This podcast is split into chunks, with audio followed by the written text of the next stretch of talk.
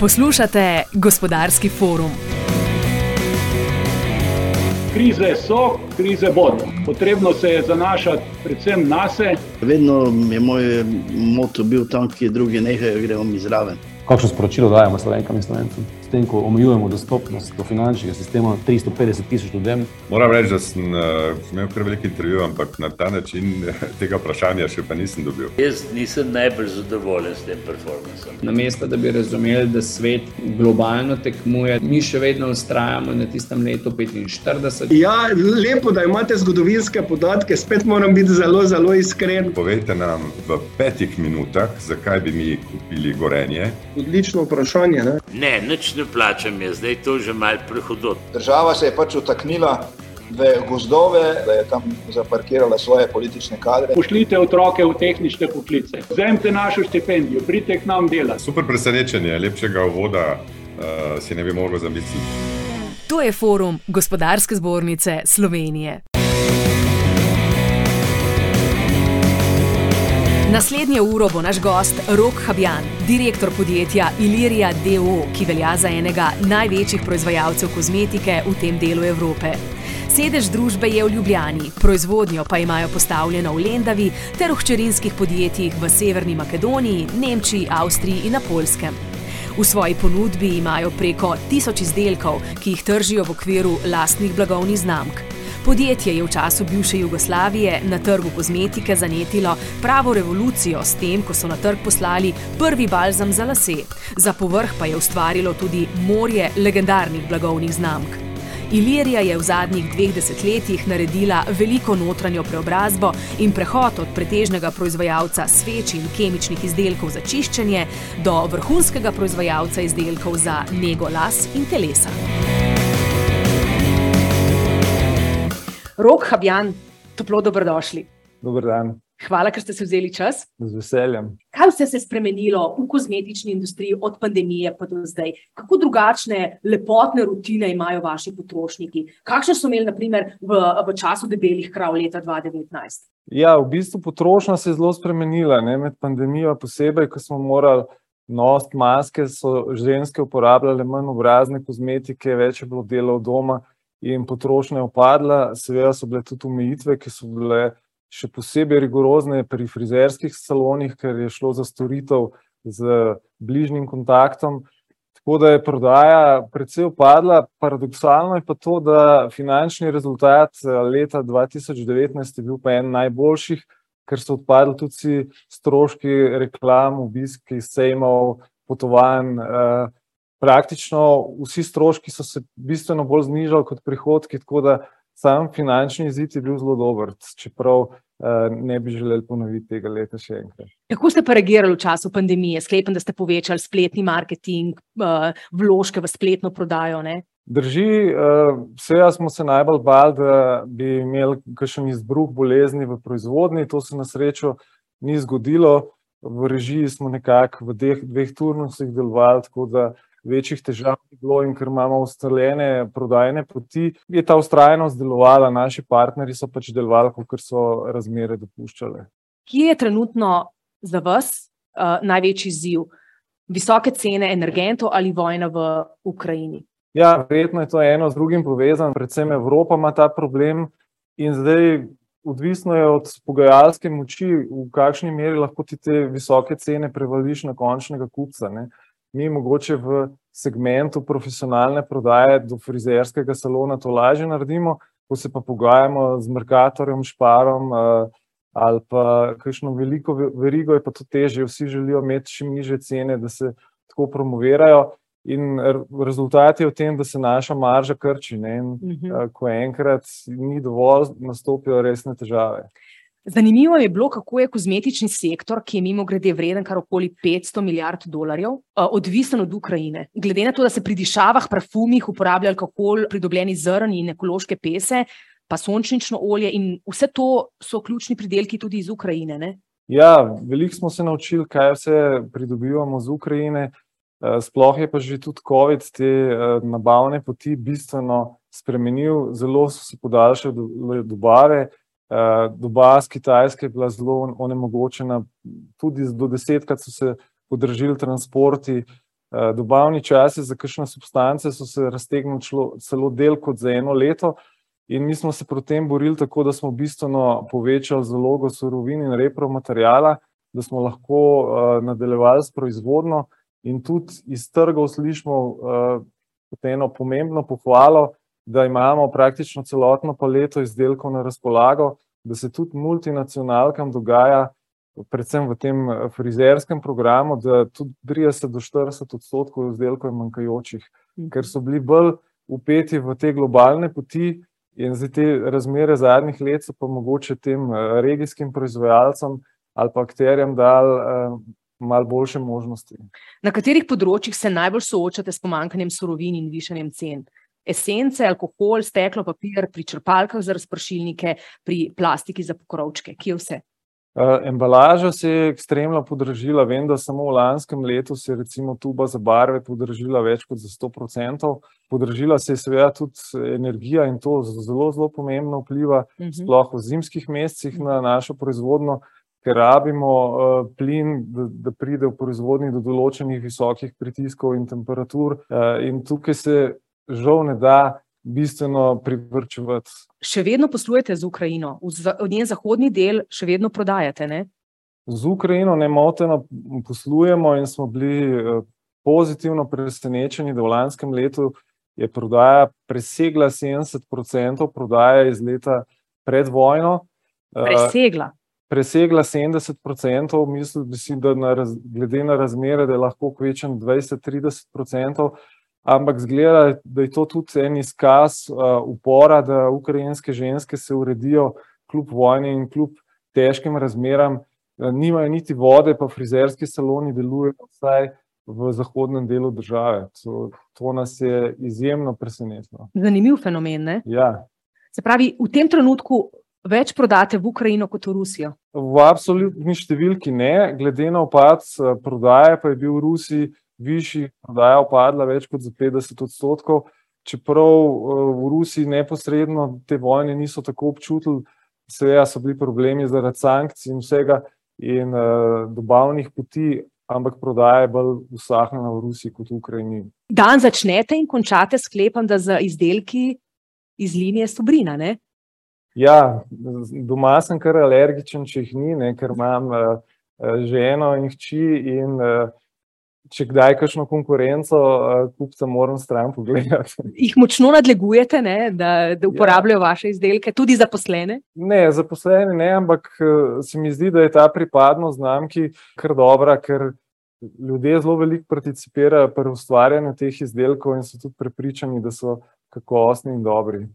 Uporabljate linijo Mačo? Ja, tudi imam jo v športni torbi pa da.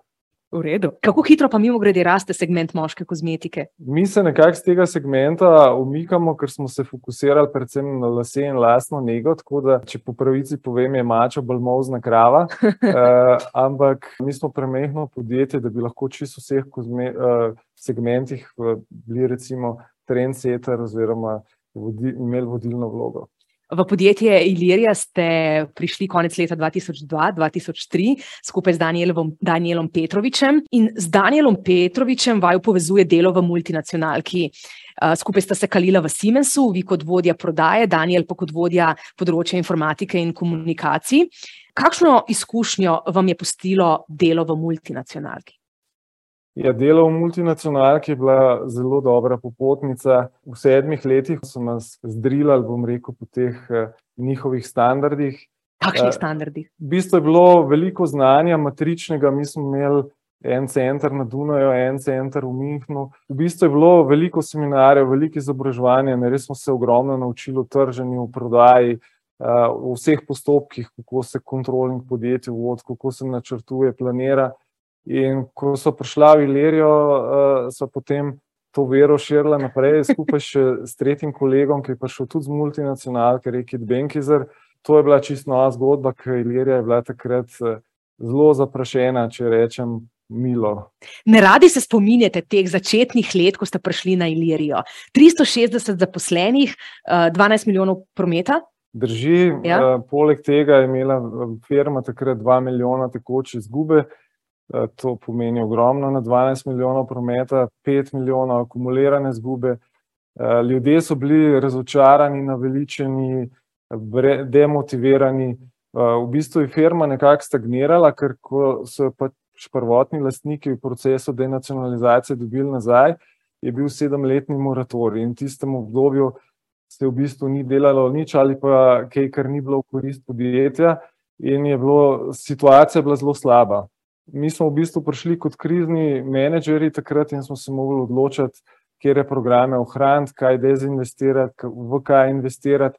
Žal smo morali tudi določene ljudi odpustiti, morali smo ojačati ekipo z mladimi kadri, svežimi idejami in seveda v tem procesu vsi niso zadovoljni, ne, ti pa vedno kot direktor sediš nasproti in se pogovarja z ljudmi, ki so v privatnem življenju odlični, vendar v podjetje žal ne pašejo in to ni najlepša naloga, tako da sem vesel, da zadnjih petnajst let teh težav ni, imamo bolj pozitivne zgodbe. Kaj je bilo najtežje odpuščati v tistem obdobju? Absolutno odpuščati, ker v letu dva sedem smo pol prevzeli še Lek kozmetiko od Leka in je prišlo še sto trideset zaposlenih, določene pozicije so se podvojevale, in ni bilo mogoče podjetja ohraniti in rešiti, da se pač pride na eno optimalno število zaposlenih. A so bili zaposleni kaj sumničavi do vas treh? Prišli ste nahajpani iz neke multinacionalke, sklepam, da so vas imeli za neke ultrakapitaliste in japije.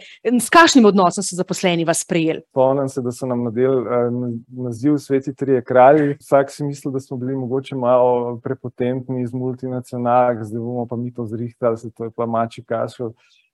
Seveda ni bil kašelj, ne, in tudi ta industrija je bila precej drugačna. Kakšna je bila notranja kultura podjetja takrat? Takrat je praktično, jaz se spomnim, ko sem šel v prvih dneh po firmi in sem šel vse pisarne in vsakemu dal roko, vsi so bili zaprti v svojih sobah in čepeli tam ko neke miške. Ni bilo timskega dela, prejšnji direktorji, jaz jih sicer osebno nisem spoznal, so menda zelo centralizirano vse vodili, tako da menda je morala vsa pošta tudi od časopisov priti na mizo glavnega direktorja in pol je cel dan pregledoval in razdeljeval naprej. Tako da razmere so bile zelo čudne, no. Pol smo takoj uvedli novoletno zabavo, ke je deset let ni bilo. Pol smo imeli piknik v Lendavi pa piknik v Ljubljani pa tekmo med Lendavo pa Ljubljano. Pa se spomnim, na prvi novoletni zabavi smo mi afne guncali in smo bili Božički z božičnimi kapami. Smo se malo približali ljudem, ker, dejansko so se nas bali, ne. ja, jutri bom pa jaz na listi za odstrel pa saj to ne znam pa ono ne znam. hoteli smo jim povedati, da vsi imajo možnosti, naj se potrudijo, da nikogar ne bomo, kar prečrtali, no. Seveda pa ta proces trajal kar nekaj časa. Ampak vse te metode ste pa prenesli iz multinacionalke. obnašanje, kako ravnati v teh kriznih situacijah, preobleci se v božičke in tako naprej. Mislim, da ne, da je to mogoče bolj karakterno, morda nam je malo agencija pomagala pa, bom rekel, s trebuha, no, imamo pa recimo še zdaj veliko ljudi, ke so bili od takrat, vem, direktorica razvoja in tako naprej, je še zmeraj ista in dobrih kadrov nismo menjali, ne. Kaj pa struktura žensk, koliko imate žensk zaposlenih? Zdaj na pamet ne vem, ampak bi rekel sigurno več žensk kakor moških, ker smo pač tudi v tej branži. Ženske prevladujejo v marketingu, v razvoju, seveda tudi v financah konec koncev, v prodaji približno pol pol. V upravi smo trije fantje, ampak imamo eno, izvršno sekretarko, ke pa drži tri vogale hiše, in če nje ni, smo mi izgubljeni, tako da, ona šteje za tri. Kar mi je bilo pa zanimivo za tista leta, ogromno količino blagovnih znamk ste imeli. Subrina, okej, Amaj, Greenline, linija bonbonov Vitergin pa Biotil, Cvet, Revlon, Dan na dan. To je bila množica znamk, ki jih je bilo, sklepam, da nemogoče vzdrževati in še težje vse oglaševati. Ste takrat sklenili, da bi, najbrž ustvarili eno krovno blagovno znamko in pač na njo obesili ves svoj portfelj? Katerim znamkam ste se takrat odrekli? Ja, to je bil takrat velik izziv, imeli smo devetindvajset blagovnih znamk na tistih dvanajst milijonov prometa. Devetindvajset blagovnih znamk? Ja, jaz bi bolj rekel, da so bila to izdelčna imena ke blagovne znamke, ke blagovna znamka mora imeti za sabo tudi, neki promet. In pa ste dva, leta 2006 kupili še lek kozmetike in dobili še več. Še 10 ali 15 eh, znam kot Green Line, pa BB Sun, pa Biodent, pa Kiss Me in tako naprej. Aha, uh, ja, in že v leta 2003 smo se tega zavedali in smo skupaj z agencijo pristop se lotili tega problema. Imeli smo več delavnic, uh, kjer oznamko izbrati. Ilerija je bila preveč korporativna. Imeli smo tudi to srečo, da je bil v Sloveniji eh, profesor Leslie de Črnatoni, ki je ena eh, eminentna osebnost z področja blagovnih znamk eh, in je prišel na našo delavnico in nam svetoval. In takrat smo se odločili ne za največjo znamko, ampak za neko, ki je imela po naših videnjih največji potencial in zanimivo ime in izbrali smo Sobrino ki je imela uh, samo 15% prometa celotne Ilirije. Takrat, kot ste že omenili, je bila največja prodaja sveč, poznam kot Ilirija Light, pa Ilirija Paste za čevlje, so bile skoraj 40% podjetja. Ampak smo rekli, da pač v, v tej kemiji uh, ni prihodnosti ne, da gremo v kozmetiko, in tako je Sobrina postala uh, krovna blagovna znamka, in pod ta dežnik smo pol dodali uh, izdelke se pravi tudi Sobrina Professional za uh, frizerske salone, pa Sobrina za telo, Sobrina za lase, Sobrina barve las, ki so bile tudi prej pod eno znamko Trio Color. In seveda raztegljivost znamk pa ni neomejena, tako da recimo kreme eh, nismo upali več dati pod znamko Sobrina in tudi danes niso, ker znamka mora imeti svoje bistvo, sporočilnost, osebnost, formulo, in je ne moreš raztegniti, bom rekel, od sveč do uh, šampona, in tudi vprašanje, če od šampona do kreme. Ne. Ampak en vaš izdelek je pa legendaren. Pasta za čevlje Ilirija, se vsi spomnimo. Globin. Globin. Drži, to je pa izdelek, ki je praktično star več kot uh, sto let. To še zmeraj imamo v našem portfelju, čeprav uh, več ne proizvajamo. Sami, ampak proizvajajo za nas v tujini. Zakaj ste se odločili za proizvodnjo v Indiji, te legendarne paste? V bistvu smo kompletno proizvodno v Lendavi spremenili. Lerija je imela v tistem času dve tovarni in sicer eno v Ljubljani, praktično v centru na Viču in eno v Lendavi. Potem smo preselili kompleten svečarski program, kompletna čistila in seveda tudi paste za čevlje. In prenesel kompletno uh, kozmetično proizvodno iz Ljubljana v uh, Lendovo. Zdaj imate v Ljubljani samo razvoj. V Ljubljani imamo razvoj, seveda prodajo, marketing, imamo tudi uh, drugerijo. Niti niso bili uh, razlogi samo v tem, delovna, cenejša delovna sila ali pa da je predrago zemljišče, ampak dejansko je bila ena tovarna dovolj.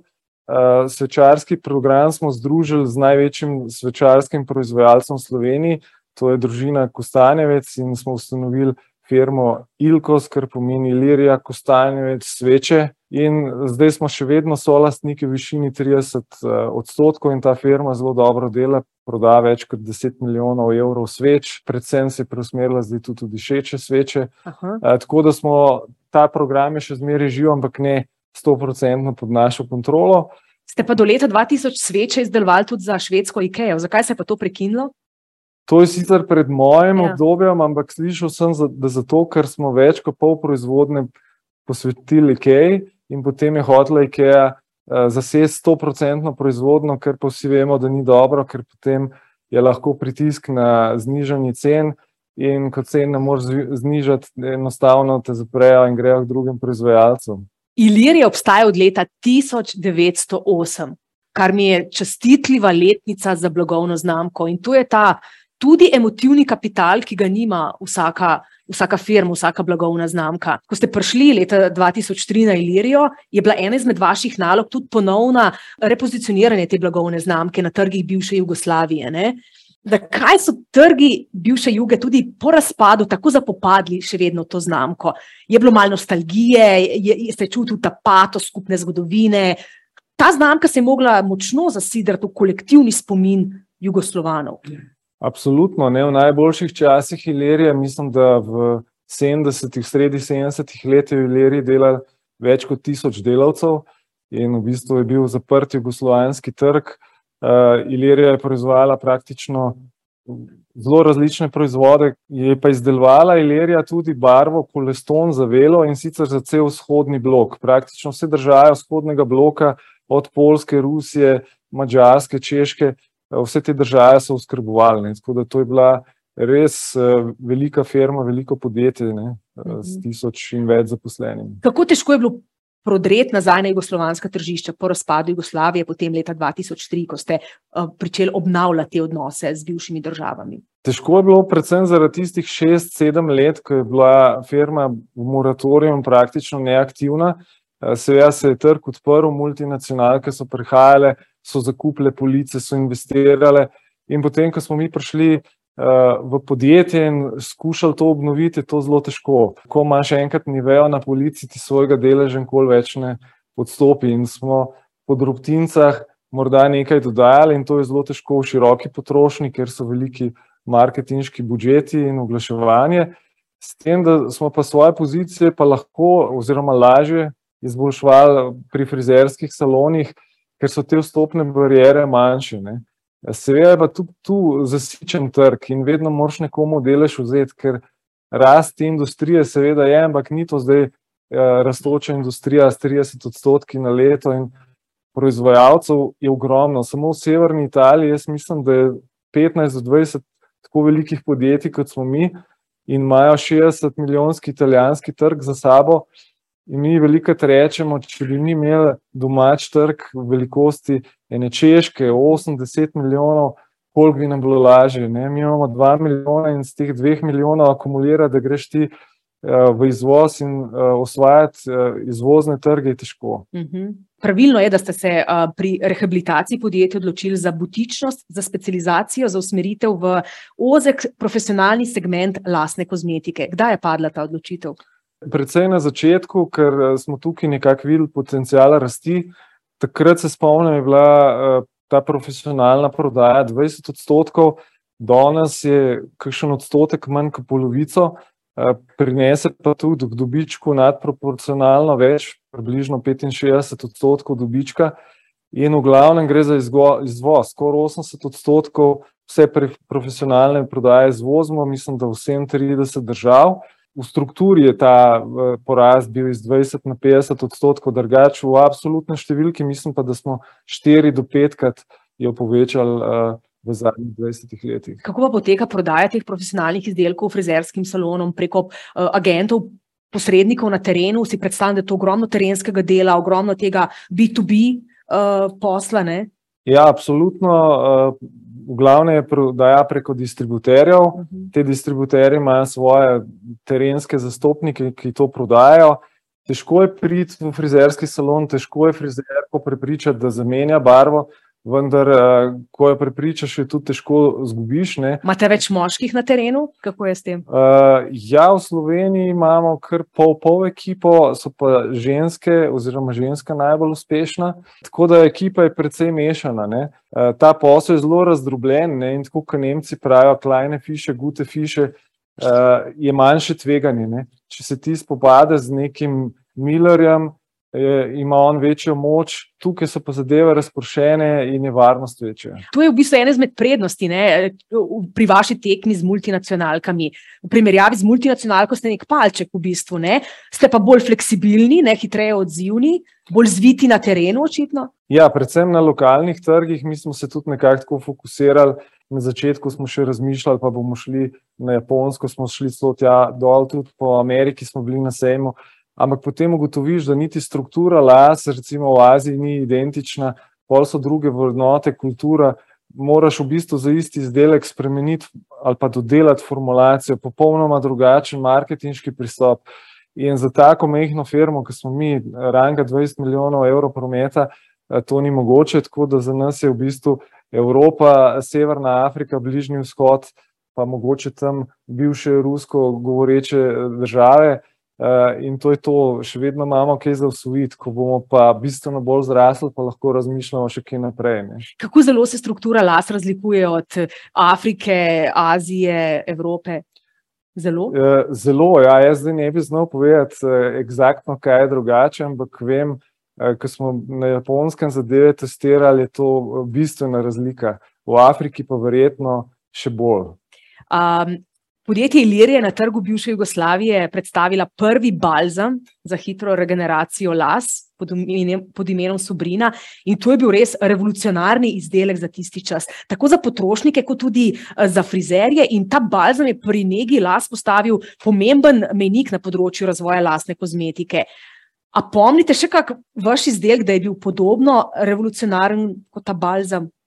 Ja, balzam je sigurno najbolj revolucionaren, če se prav spomnim iz leta 58 in to je dejansko bil je imenovan Sobrina in Sobrina je postalo, še dan se dogaja, da kakšen potrošnik reče, dajte mi Sobrino, pa hoče L'Orealov uh, regenerator. Ne? To je bil tudi eden od faktorjev, da smo izbrali Sobrino. Pa ker se še nekako sliši bolj kot neko žensko ime, nek, v tujini tudi mešajo s kakšno Sabrino, uh, nam je bilo všečno, glede na izbor, kar smo imeli. Uh mhm. -huh. Je pa Ilirija bila v 70-ih letih pokroviteljica številnih festivalov, Splitski festival, Slovenska popevka in pokroviteljstvo. Takega dogodka je pomenilo tudi nekako inicijatorstvo oziroma vstop v, v ta svet uh, zvezdništva, na slovensko in tujo zvezdniško sceno, se je na ta način vstopila, ne? Narta Studio tedaj. Ja, ja, v bistvu je Narta Studio je bil prvi studio, prva akademija v Jugoslaviji, ki je v bistvu uh, učila, tudi pol, uh, kreirala določene frizerske zvezdnike, ki so se pol povezovali z stradniki. Ilerija je dejansko vodila ta razvoj. Koliko tega tempa iz leta 70 ohranite še vedno danes, kar se tiče teh medijsko-odmevnih sponzorstev? Ja, zdaj, predstavitev imamo še vedno veliko. Zadnjo smo imeli, uh, zdaj po pandemiji, lansko leto, smo imeli v Unijo več kot 500 uh, prisotnih, imeli smo sobrina demonstratorje iz sedmih, osmih držav. To so v bistvu naši demonstratorji, bili so iz Italije, Češke, Polske, Avstrije, Nemčije. Uh, in smo pri, naredili v bistvu šov za frizerje. En največjih, kar se jih spomnim, je bil pa v Budimpešti na Donavi, na Ladi, kjer smo imeli 800 frizerjev in tudi kar en celodnevni dogodek in šov. In to ne gre samo za striženje je tudi moda, so glasbeni vložki, performance. Skratka, gre kar za en dogodek, ki ga je treba resno načrtovati, da je pa dobro izveden. A so ti šovi, ti dogodki tudi en izmed načinov, kako nagovarjati mlade generacije? Če, če nagovarjaš mlade ljudi, te lahko potem spremljajo celo življenje. Ne? Zato recimo Coca-Cola vedno nagovarja mlade. In se pol to z generacijami detkov prenaša na vnuke. Znamka, ki smi diši po diskotekah po tistem večeru, ki so šli ven. In... Ja, to se mi dva morda spomnimo, ja. mlajši od nas, žal ne, ampak jaz imam še zmeraj pred seboj eh, von, ki smo jabolko, ki so vsake leta dišala po tem šamponu v mojem mladosti. Ko sem brala o vaših blagovnih znamkah, sem prišla prav na to idejo. Vaši izdelki so kot prustovske magdalenice. Von te popelje v včerajšnji svet in kupenih spominov na plan potegne. In tudi, ko gledaš potem etiketo vaših izdelkov, te vrne nekam nazaj. Vprašanje, ali je bila tudi nostalgija en ključni moment, da ste si pridobili spet zaupanje na bivših trgih Jugoslavije? Morda to, ampak eh, mi smo še vedno ohranjali neko bližino. Ne? Jaz mislim, da smo. Uh, boljši partner kot neki tuji, zato ker uh, imamo to bližino, bolj poznamo lokalnega potrošnika in se bom rekel, tudi moramo bolj potruditi. Ne? Zdaj, ko spremljamo italijane, kot sem jih prej omenil, uh, oni pravijo Milano, moda, mi smo italijani, to je super in tle imate cenik in, in je zadeva končana. Mi se moramo bistveno bolj potruditi, šolani z nekimi kolekcijami, prezentacijami, delamo koledarje da imamo pol določeno prednost, ker izdelki eh, po tehnični ravni so zelo primerljivi. Verjetno ste tukaj bolj veseli uh, vstopa na portugalsko tržišče, ne z tega vidika. Ja, to je pa ena uspešna zgodba lanskega leta in sicer Portugalska je praktično čez noč postala naš največji trg v profesionalni kozmetiki, uh, čeprav na drugih delujemo že tudi 30 let. Kaj se je pa na portugalskem zgodilo?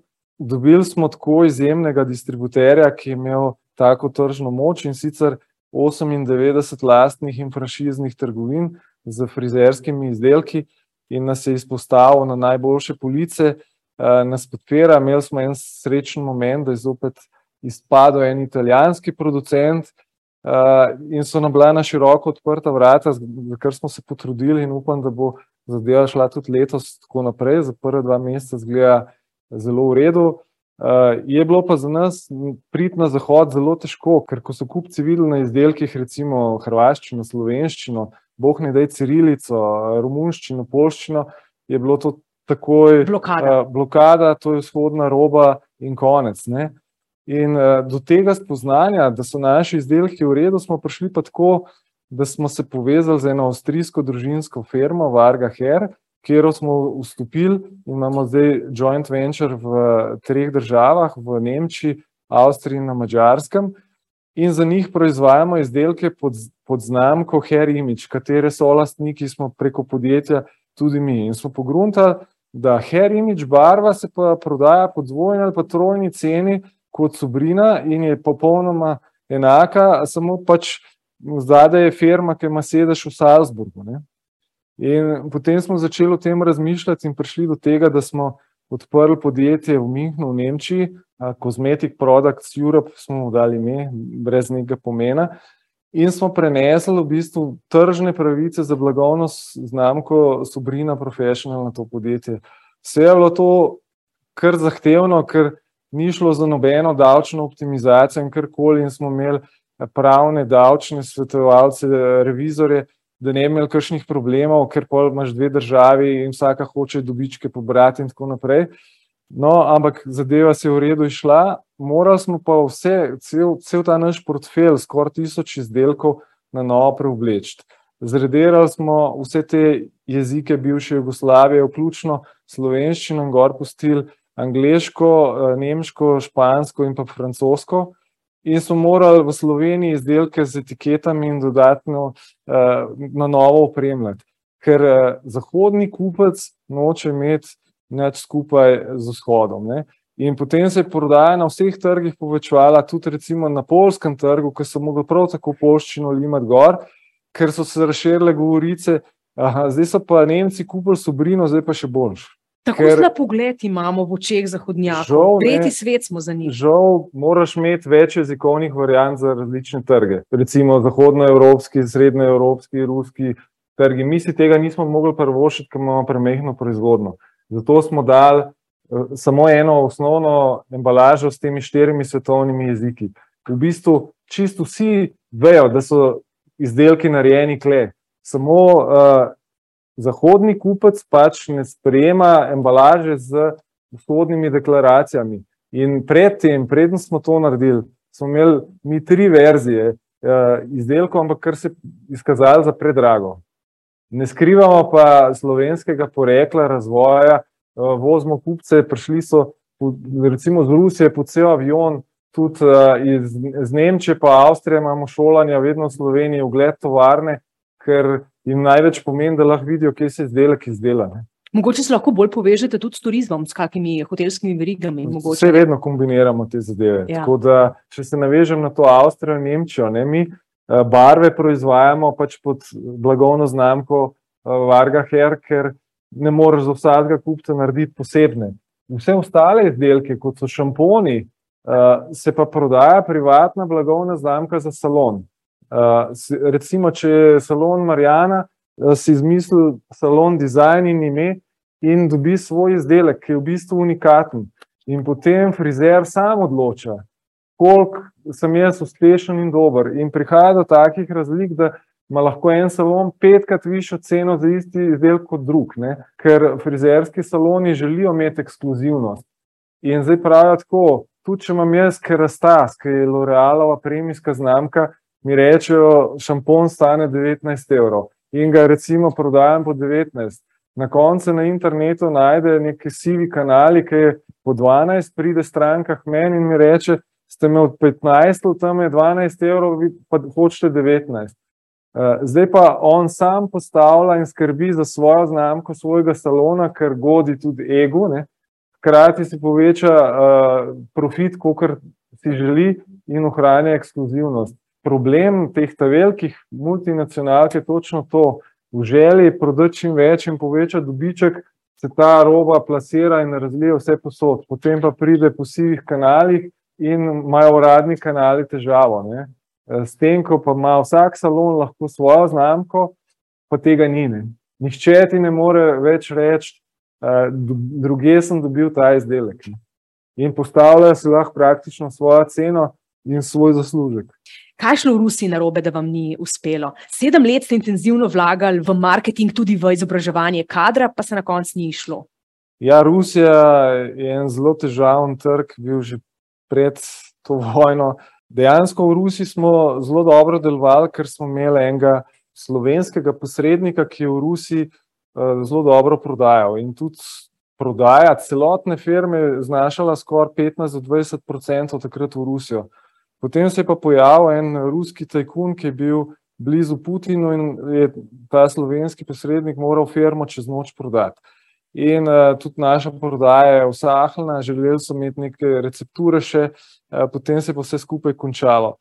In potem smo razmišljali, da bi se postavili na lastne noge in se tudi uh, preko tega slovenca povezali z nekimi ruskimi solastniki, ampak uh, ta poslovna kultura je bistveno drugačna, zadeva se ni šla in uh, smo z nekaj praskami išli iz te zgodbe. In, uh, takrat v Rusijo tudi prekrižali kot nek ključni trg. Kakšna je, je njihova poslovna kultura? Mislim, Rusija je zelo zahteven trg. Uh, v, bistvu Moskva je popolnoma drugačna kot drugi deli Rusije. Tam je veliko denarja, bogatstva, želijo imeti ekskluzivne, prestižne znamke, ki poudarjajo neke posebne specifike, mi tega nismo imeli, ker smo bili bolj generični. Uh, vstop je pa tudi zelo težaven, ker je cel kup omejitev, uh, že od samega jezika, registracije izdelkov so izjemno komplicirane. Tako da mi smo se tam malo uh, upekli uh, in na srečo zato danes nismo ali pa pred enim letom utrpeli take škode, ker se je ta invazija ruska zgodila, ker v Rusiji imamo 1-2% prodaje, Se pravi, če primerjamo Švarcko, Floral ali pa Niveja in Sobrino, ste enake kvalitete. Pol. Jaz mislim, da ja, in to smo dobili več neodvisnih potrditev. Spomnim se enega primera, ko smo za verigo Neto v Nemčiji se potegovali, da bi Sobrina barve uvrstili in so rekli, cena je v redu, uvrstili jih bomo, če naredite neodvisni test pri največjem nemškem inštitutu, Šrader inštitut, in smo šli v primerjalni test s Švarckovkom, in za to plačalo 80 tisoč evrov, in smo dobili primerljivo ceno v nekaterih segmentih, celo uh, boljšo, ker smo bili izjemno veseli uh, in se tudi uvrstili v to prodajno verigo takrat. Drugač pa tudi uh, imamo v bistvu tako rečene benchmarke, vedno si izberemo enega konkurenta, uh, na katerega se primerjamo po kvaliteti. Uh, in to je eden iz, bom rekel, iz zgornjega razreda, in skušamo doseči oziroma preseči to kvaliteto, pa ponuditi izdelke po bolj konkurenčni ceni. S kom danes vse iščete strateške povezave? Krka, Lek, Novartis ali tudi Afrodita? Ja, z Lekom smo se seveda pogovarjali, ker je prišlo tudi do prodaje oziroma nakupa. Tudi s Krko smo se pogovarjali o njihovih znamkah, kot je bila Sunmix, ki se nam je zdela zanimiva, pa ni takrat prišlo do dogovora. Sodelujemo seveda tudi z, z Afrodito, ker smo tako mehni in si pravimo pomagati pri kakšnih nabavnih verih. Drugač pa veliko sodelujemo tudi z našimi partnerji v tujini in sicer z eno, bom rekel, manjšo multinacionalko, Marokanol, ki jo distribuiramo. Oni so morda desetkrat večji kot mi in od eh, neke firme, ki izvira iz Izraela oziroma iz Amerike, eh, se lahko veliko naučiš in imamo neko odprto partnerstvo, da je tam.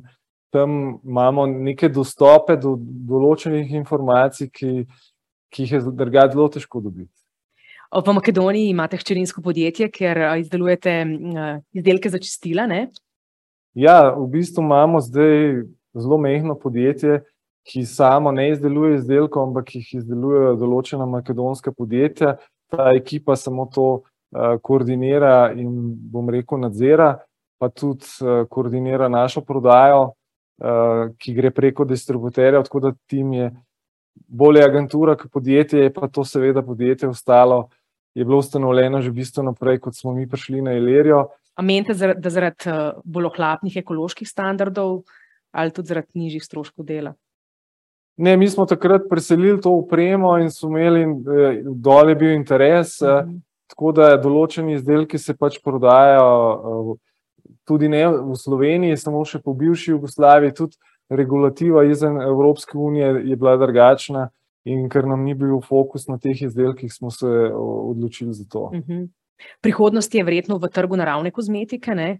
Žal, lepota in moda je včasih skregana z naravnimi substancami in brez kemije se tako dobrih vizualnih učinkov ne da, ne da doseči. Ženske so še zmeraj pripravljene sprejemati, bom rekel, slabe učinke kemije za, za lep videz. Uh, seveda gre vedno bolj v smer naravne kozmetike, ampak uh, učinki so pač drugačni. No? Do, določenih stvari se ne da narediti brez kemije, žal. Koliko vi vlagate v, v razvoj? Ja, glede na velikost podjetja, jaz mislim, da precej, mi smo imeli precej obiskov tudi tujih firm, tudi tujih multinacionalk ali pa ljudi, ki so delali za tuje firme in so bili izjemno presenečeni nad našim razvojnim oddelkom, ki so vsi rekli, da presega velikost naše firme. Tako da na to smo zelo ponosni in tudi, recimo, ko razvojnice pridejo z eh, kakšnega simpozija, seminarja, pravijo, v L'Orealu je 400 ljudi, ki delajo razvoj barv, pri nas jih je le nekaj in uh, so ponosni, da smo sploh sposobni razviti izdelek, ki je nekako primerljiv Tako da moramo biti v bistvu tako kot naši športniki. Ne, uh, tudi Tina Mazi in Kaštuhec, in vem, so bili bolj sami, pa vsi ostali. Ni druge, moramo se znajti in ustrajati, in marsikaj se da narediti. Kako se sploh lote razvoja enega novega izdelka? Ja, ideja ponovadi pride z marketinga, ki zazna potrebo, ali pa uh, jo nekako sami odkrijemo, potem. Uh, je treba pač razviti nek koncept eh, marketinški, povedati razvojnikom, kaj bi želeli, kakšne lastnosti naj ima ta izdelek, seveda tudi, koliko lahko na koncu koncu stane, da ga bo potrošnik eh, sploh sprejel. Pol se lotimo razvoja, pol je to uh, cel kup testiranj, od mikrobioloških do obremenitvenih, testirane embalaže. Uh, na koncu treba pol narediti neko zgodbo, ga uvrstiti, pogledati konkurenco je zelo dolg proces, ampak mi dejansko vse izdelke razvijamo uh, od začetka do konca. Ne. Katere kadre najbolj pogrešate v tem trenutku v vašem podjetju? V zadnjem času smo imeli največ težav v Lendovi, ker smo preselili uh, visoko regalno stali, skladišče z 10 tisoč paletnimi mesti in smo rabili novo ekipo, ker to je bilo prej v Ljubljani in je kadre bilo kar precej težko dobiti. Najtežje pa dobimo kakšne uh, pripravljalce pol izdelkov, to so bolj kvalificirani kadri v proizvodni. Eh, na splošno pa je kadrovsko zdaj težko, ko imaš razpis, dobiš 3-10 vlog, spomnim se časov, ko smo jih dobili, po mojem, več sto, enkrat se mi zdi to 700 za eno pozicijo. Tako da sploh uh, nisi mogel skoraj vlog pregledati, zdaj se je pa zadeva uh, drastično obrnila, no, ampak zaenkrat uh, še uspevamo zapolniti delovn, proste delovna mesta. Razmišljate, da bi imeli lastni sistem štipendiranja? Ja, če ne štipendiranja, pa čim več povezav, sodelujemo s frizerskimi šolami, tudi z raznimi študenti. Eh, v naših prostorih imamo visoko šolo za kozmetiko, vist in sodelujemo pri njih z raznimi projekti, tudi z njihovimi študenti. Potem tudi pri nas so v bistvu fakulteta za farmacijo, ima njihova katedra za kozmetologijo, ima 17 laboratorijev in predavalnice, kakšne kadre vzamemo tudi na poletno delo in se potem razvijajo. Tako da vsekakor je to dobro. Ja. Kakšni pa so ti novi kadri? Seveda, vsi želijo imeti eh, dobre plače in uh, se primerjajo z najboljšimi. Ne? Tako da uh, jaz bom najbolj vesel, ko bomo lahko ponudili take plače, kot so v Leku, ker pol teh debat več ne bo. In bo rekel, zdaj imamo najviše plače in morate biti nekako zadovoljni. Ne? Ampak plače so bile pri nas relativno slabe, sploh na začetku. Leti smo jih uh, popravljali in jih še popravljamo. In pol je tudi za management lažje, ko imaš uh, nek, bom rekel, korektni nivo plač, ker lažje ohraniš zaposlene. Je plača edina motivacija? Absolutno ne. Jaz mislim, da pri zaposlenih je, da nekako uh, so ustvarjajo ta produkt in dajo svoj pečat. Ne. Jaz sem bil sedem let v Siemensu, pa si vedno dubil neko belo knjigo in si to izvrševal, na koncu te popovdne klicali neki šef iz Dunaja ali pa z letališča, so vse tiste tabelce narejene, pa reporti.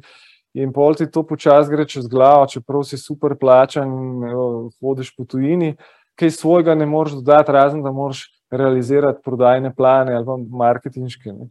Eh, tukaj pa dejansko mi celo zgodbo gradimo sami, sej velikrat je to težko, ker nas je premalo, je premalo znanja, ampak je toliko eh, več zadovoljstva v uspehu. Mhm. Kako pa merite sploh eh, uspeh? Ali tudi po številu inovacij, ki jih date ven tekom leta? Recimo? Tudi, absolutno. Ne? In tu pa imamo zelo, bom rekel, plitko organizacijsko strukturo. Bolj neformalno, vsi se naslavljamo po imenih, večina se nastika, In pol v takem nekem sproščenem okolju je tudi več možnosti za ideje, in vsakdo si upa povedati, uh, ni neumnih idej, ni neumnih vprašanj, in uh, potem se tudi kaj pametnega razvije. Katere nove produkte si lahko obetamo v prihodnje? Ja, zdaj, kaj preveč ne smem povedati. Večkam pa. Uh, mi sledimo v bistvu trendom, ne, težko smo trendsetter, ker ne moramo parirati tem globalnim multinacionalkam, lahko smo pa zelo hitri sledilci, lahko smo lokalno bolj prilagodljivi, lahko smo bolj prijazni do skupnosti, v kateri smo in do tega okolja, in to je nekako naša. Vizija, pa strategija. Prav, večja teža je v bistvu kasneje na marketingu, kot v samem laboratoriju. Ne? Ja, pri teh velikih firmah, veliko krat, ker tudi so velika podjetja, ki imajo par sto milijonov prometa in imajo proizvodno outsourcano, uh, se pravi, pri nekom naročajo, potem pa dajo to možganskem trustu, ki z tega naredi zgodbo, podporo. Placebo deluje, ne se vsi neki verjamemo, ali pa kozmetiki, ali pa prehranskih dopolnilih. Placebo deluje v glavnem 3 do 6 mesecev, pa pa mogoče tudi jaz znam, ko zamenjati ali pa dopolnilo. Kdaj lahko pričakujemo uh, rastlinsko barvo za lase, kana iz strani Sobrine? tega ne znam zdaj obljubiti v datumu, eh, je pa morda dobro kot neka ideja za dodatno nišo, za dodatni produkt in bom to posredoval marketingu naprej. In če tam dajo kljubco, gre potem morda v razvoj. Tako je, sem pa vaš prvi ambasador, kar se tega tiče. Um, kako se zagotavlja ustrezna mikrobiološka neoporečnost izdelkov? Ja, jaz sicer nisem uh, ja. kemik, ampak uh, imamo lastni mikrobiološki laboratorij, kjer testiramo vse uh, vhodne surovine, tudi embalaža, testirajo se pol izdelki, končni izdelki, pa imamo tudi vzorčenje, da se čez, čez čas testira, če je vse v redu, uh, delajo obremenilne teste na temperaturo, kako konzervanci delujejo. Treba je pa tudi mikrobiološko pogledati reaktorje, pa polnilne linije, pa vse celo vode. Tako da uh, včasih izgleda to zelo enostavno, uh, neki po domačem, mi že rečemo, skuhaš pa nafilaš, ampak ko pride do mikrobiološke okužbe, pa vidiš, da ni. Tako da mi imamo uh, više standarde, jaz mislim, kot bi jih uh, po zakonodaji morali imeti, to pa izhaja delno iz tega, ker smo prevzeli uh, lek kozmetiko, njihov proizvodni del, ki je bil farmacevtski, skoraj 100 zaposlenih. In nismo zmanjševali standardov, smo jih ohranili. Tako da pa tudi naš razvojni oddelek v Ljubljani, pod katerega spada tudi kost in kontrola, je eh, neizprosen. No? Ker pa je res problem, eh, če ti to odkrije znotraj tovarne, je še v redu. Če gre to na trg in je treba z trga eh, loviti, tako kot kličejo avtomobile nazaj, 100 tisoč voznikov tega in tega avta, in vsi so nevoljni in tega si ne smeš prvoščiti. No. Ja, tako da to ima velik podarek. Kak prestiž si kupujete z vlaganjem v šport? V šport vlagamo relativno malo, imamo neki sponzorstvo za razna, bom rekel, bolj lokalna, regionalna športna tekmovanja, pač pomagamo skupnosti. Pred leti smo se pa enega projekta lovili, eh, lotili eh, in sicer do nas je prišla ekipa košarkaškega kluba Ilirija, ki z nami nima bene povezave, razen isto ime. In so prišli z idejo sponzorstva. In to ženskega, ženska, in smo rekli, no, to je pa idealna kombinacija. Lahko damo ekipi ime Sobrina Ilirija, ker smo hoteli Sobrino uh, plasirati in podkrepiti. In smo se potem zmenili, ekipa je štartala, par tekem odigrala. In če se zdaj prav spomnim, ker to mislim, da je bilo leta 2012 ali 2013, uh, niso dobili dovolj budžeta iz mestnega proračuna in je cela zadeva žal propadla, in s to žensko košarko ni bilo nič, in tudi sobrina Ilerijo, ne, tako da, da upam, da v bodoče še pride kaj podobnega. Imamo pa trenutno na liniji vašega um, generalnega direktorja in prijatelja, Ja, Daniel. Petrovič. Dober dan, dobrodošli. Ja, dober dan. eh, Pa mogoče še vprašanje za vas. Kje vidite uh, podjetje Ilirija čez deset let? Razmišljate Ja, ja, tudi je- o, o družinski ustavi, mogoče? No? Težko vprašanje, ker mi uh, strategije postavljamo na sto let. Nedavno smo imeli to drugo konferenco in smo si postavili cilje za nadaljnih sto let, tako da do leta. Do leta uh, 2100 smo kar v redu, še ne. ne uh, hec, eh, nimamo, nimamo uh, tako kratkoročnih ciljev, uh, delamo to, kar smo uh, začeli pred 20 leti, uh, in dela nam ne bo zmanjkalo, kot je kolega povedal. Pred tremi meseci smo preselili skladišče iz Ljubljane, ki je bila tudi en ogromen zalogaj, tako investicijsko v Lendavi, kot logistično. Čaka nas tudi uh, domača naloga, zdaj na lokaciji na Tržaški. Uh, in mislim, da smo res dejansko za naslednjih sto let uh, kar ukriti z delom. Dajte nam malo povedati, kaj novega eh, snujete za naprej. Rok se ni upal preveč povedati, vi pa lahko. Uh, ne smem niti jaz. Poskusili smo. Tako, uh, Daniel uh, Petrovič, hvala lepa za enkrat, se poslavljamo od vas. Uh, čim prejšnje okrevanje, torej pa srečno domov. Hvala vam. Rok Habjan, povejte, kaj vam po vseh teh letih dela v Iliriji še vedno daje krila?